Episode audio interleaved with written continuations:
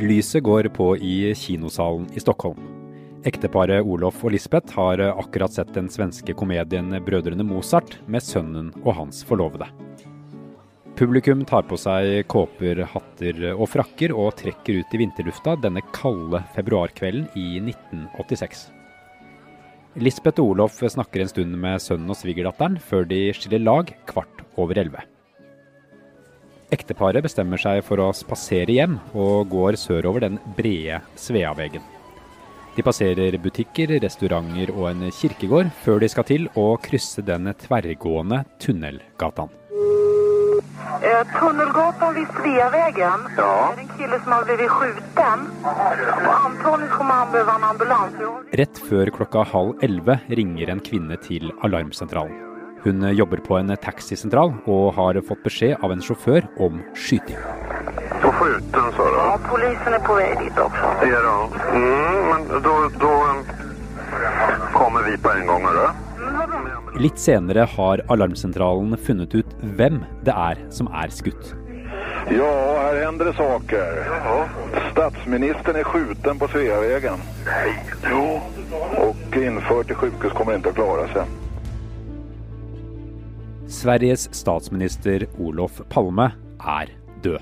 eh, vårt åtalsbeslut och vilka slutsatser vi har dragit i utredningen kring mordet på statsminister Olof Palme. Nå, 34 år senere, mener svensk politi at de endelig vet hvem som skjøt statsministeren i ryggen på kloss hold. Men antagligen så hade man inte tid att ta och, och göra någonting åt det just då därför det var ju många som ringde överhuvudtaget. Navnet hans sto i etterforskningsmaterialet helt fra starten. Så hvorfor gikk Skandiamannen under radaren? Dette er Forklart fra Aftenposten. Jeg heter Andreas Bakke Foss. I dag er det torsdag 11. juni.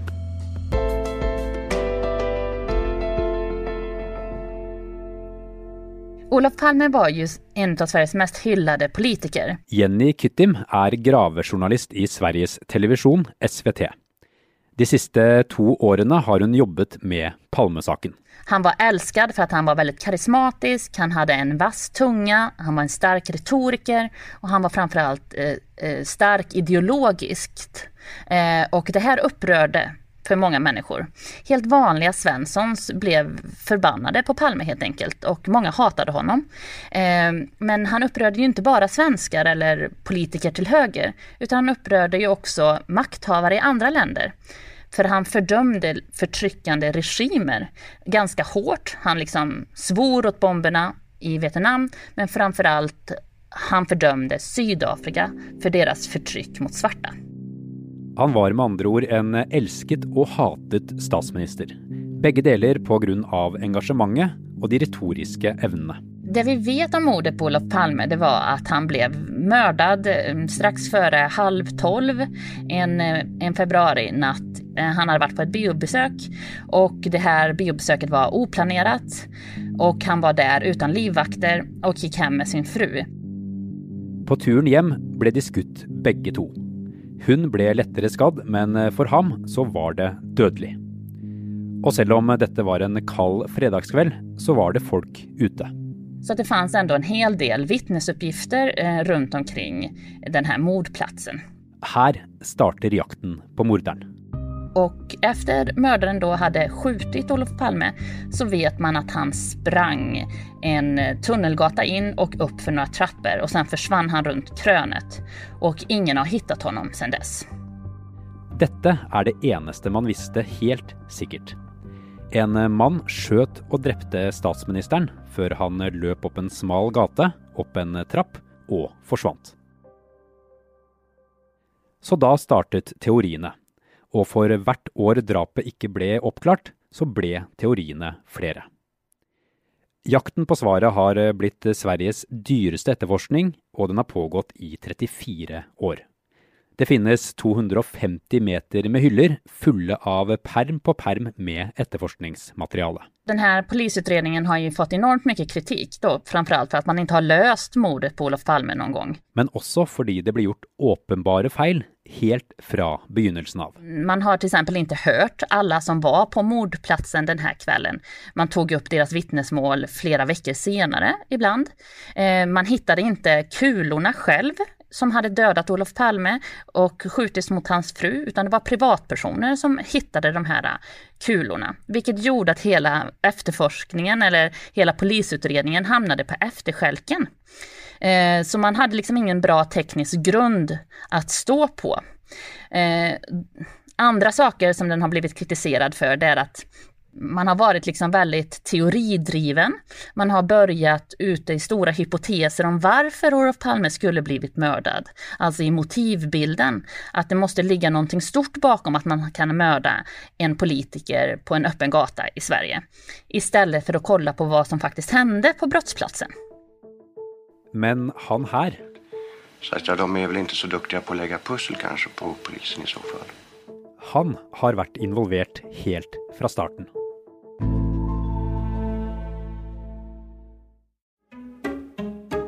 Politiet, mediene og konspirasjonsteoretikere har hatt mange spor å diskutere. Den første som ble pågrepet, var en 33 år gammel mann som politiet hadde fått tips om.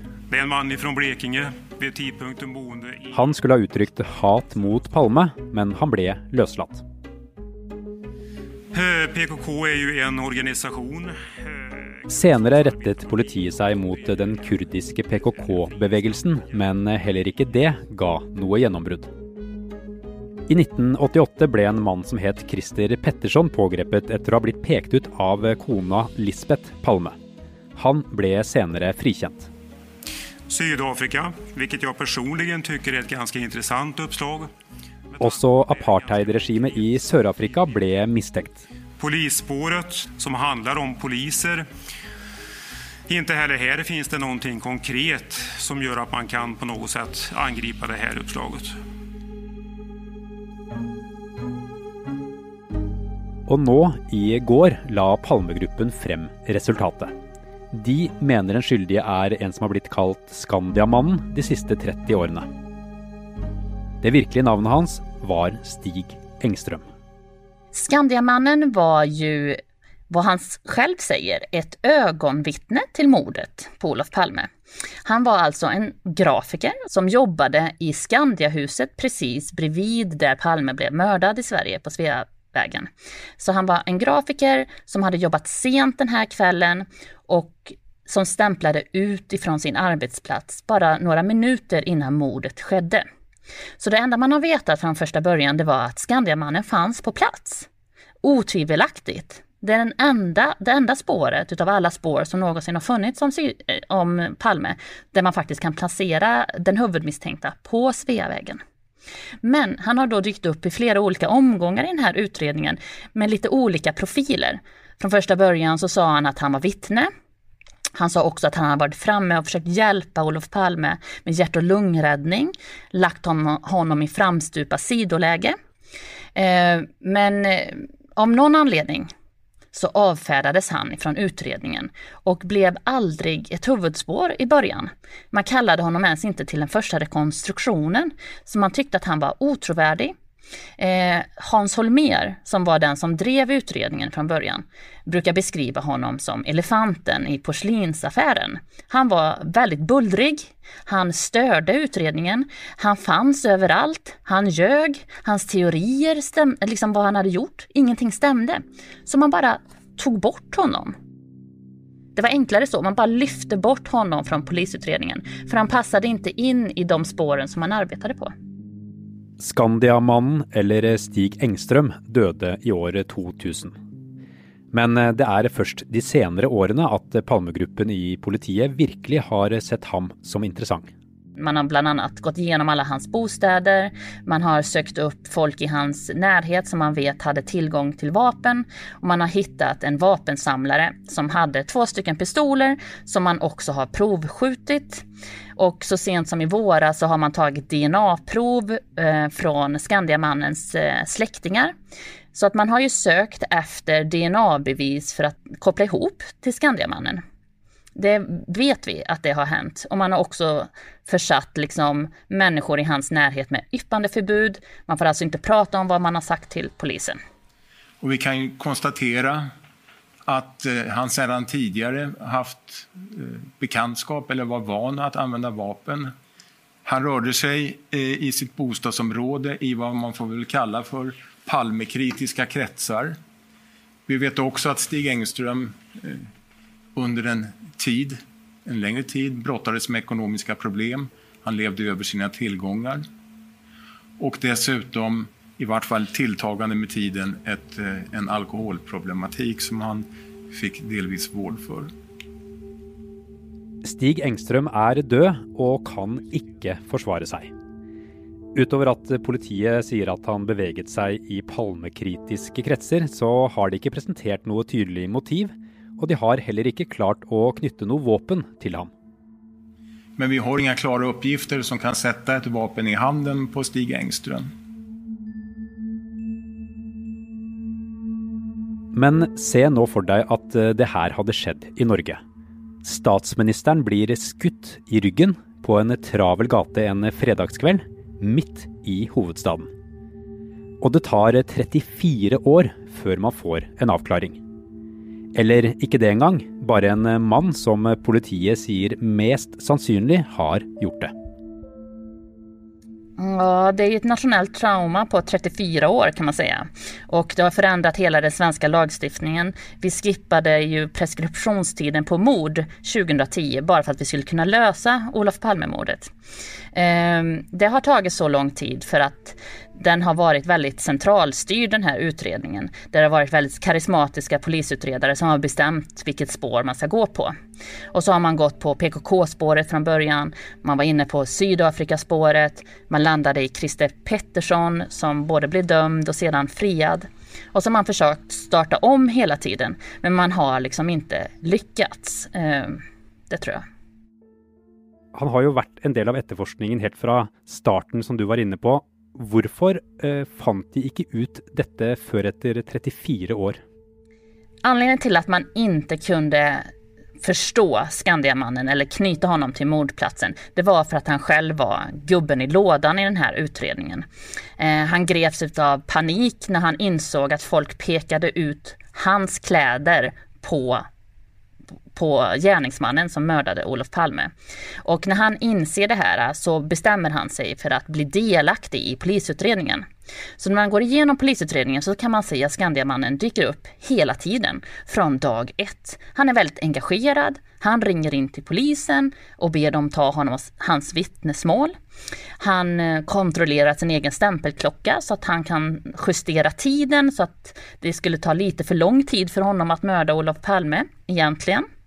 Eh, han ringer till alla mediehus och ställer upp på intervjuer. Och bland annat så gör han en famös rekonstruktion här på SVT där jag jobbar.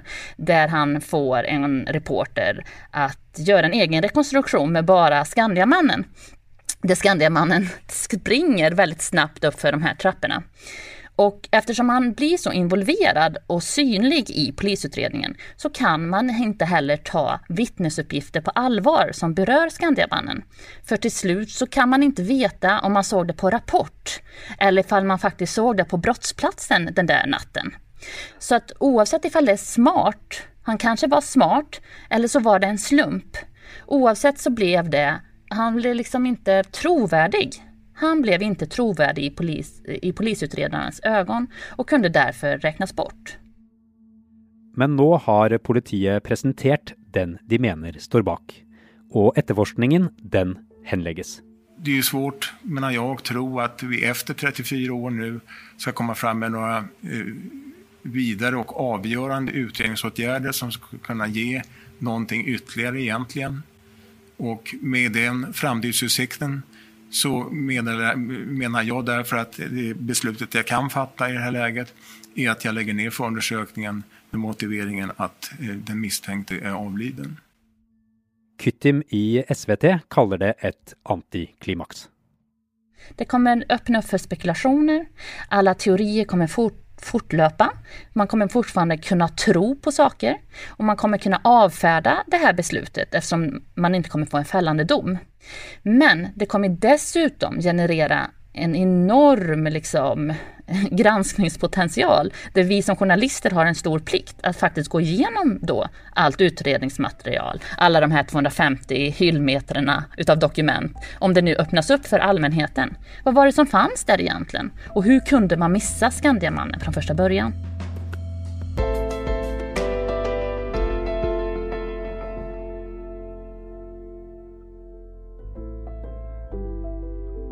Forklart lages av Caroline Fossland, Anne Lindholm, Fride Næss Nonstad, Marit Eriksdatter Gjelland og meg, Andreas Bakke Foss. I denne episoden har du hørt lyd fra VGTV.